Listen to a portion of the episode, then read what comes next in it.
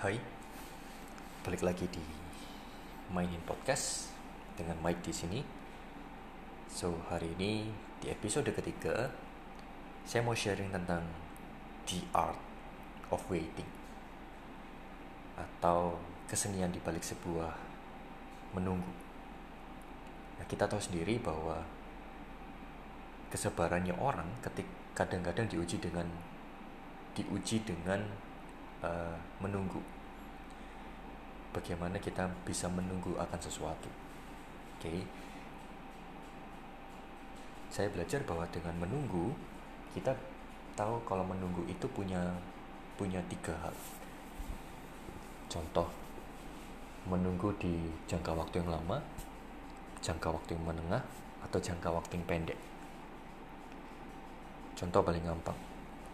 Menunggu dengan jangka waktu yang pendek itu seperti kita sedang menunggu pasangan kita mungkin. Ketika kita mau ke pesta, kita menunggu pasangan kita sedang uh, berdandan.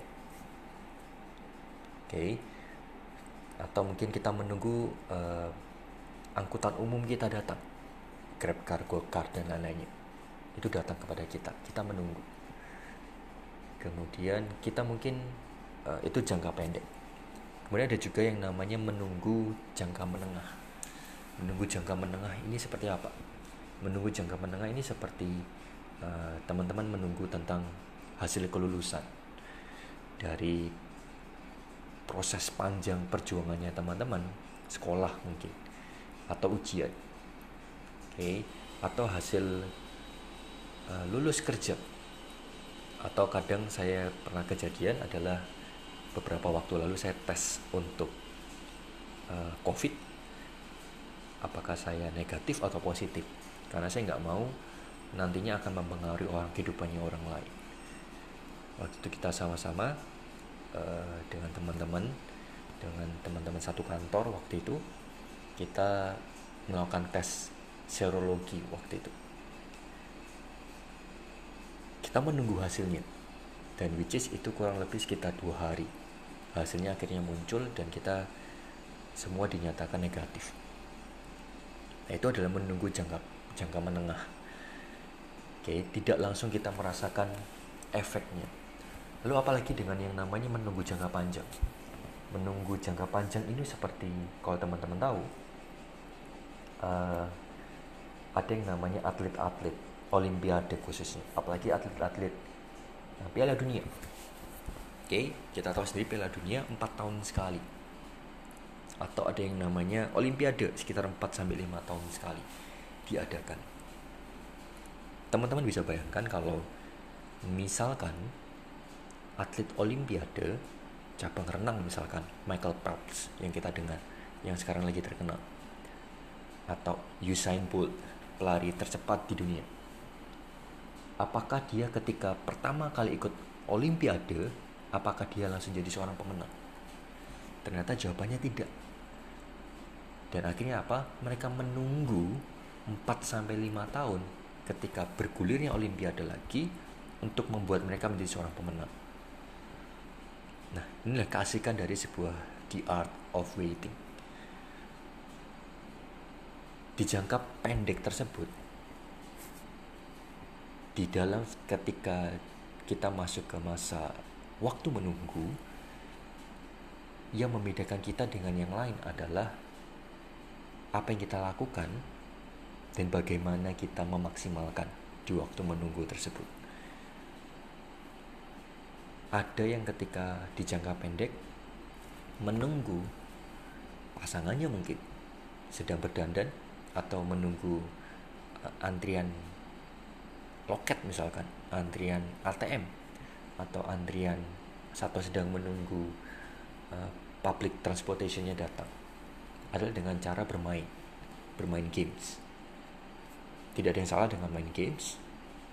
Selama itu dilakukan dengan waktu yang tepat.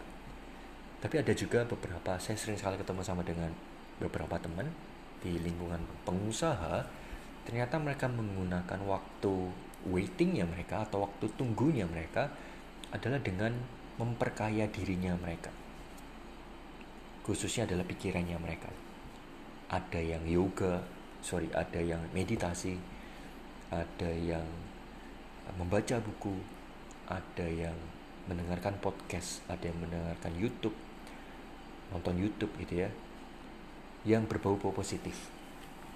Ada yang membaca surat kabar tapi mencari hal-hal yang positif. Ada yang kadang-kadang uh, memakai desk note atau uh, memo-memo, dia mencatat apa yang benar-benar dia ingin lakukan. Rencana-rencana masa depannya dia apa yang ingin dilakukan. Atau bahkan dia sudah menulis to-do listnya waktu itu jadi coba bisa melakukan misalkan teman-teman cek mereka-mereka yang lagi di uh, bandara akan teman-teman cek teman-teman akan bisa melihat perbedaan mana yang punya pola pikir berkembang dengan pola pikir yang nyaman. Nah inilah yang membedakan tentang antara satu pemenang dengan yang lain. Contoh di masa yang panjang seperti saya cerita tentang Usain Bolt dan Mike, Michael Phelps uh, di cabang renang.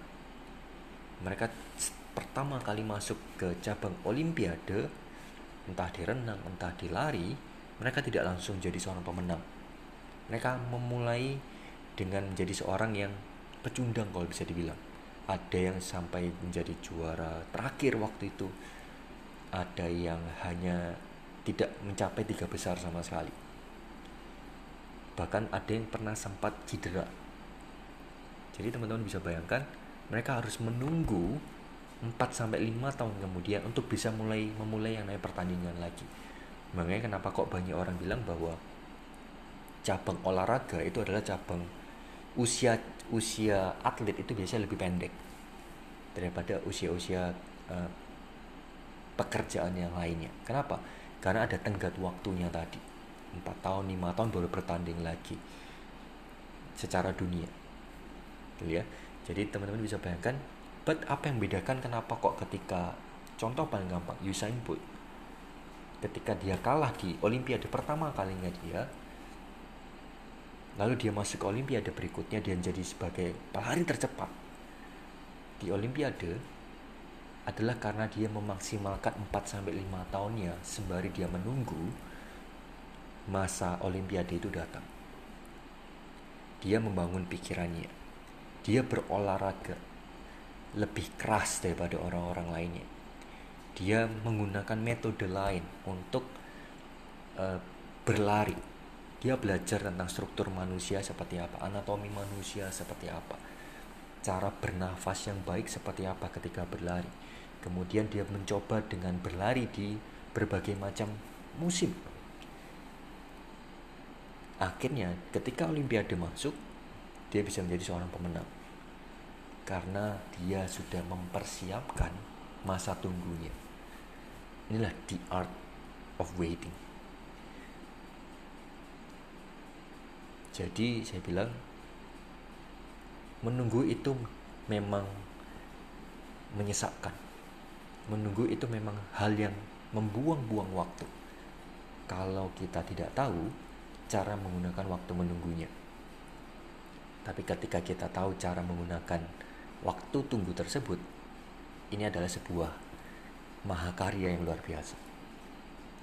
Jadi, coba teman-teman cek bagaimana teman-teman memaksimalkan masa tunggu teman-teman. This is the art of waiting. Sampai jumpa di My Head Podcast berikutnya. Semoga memberikan manfaat. Salam gila.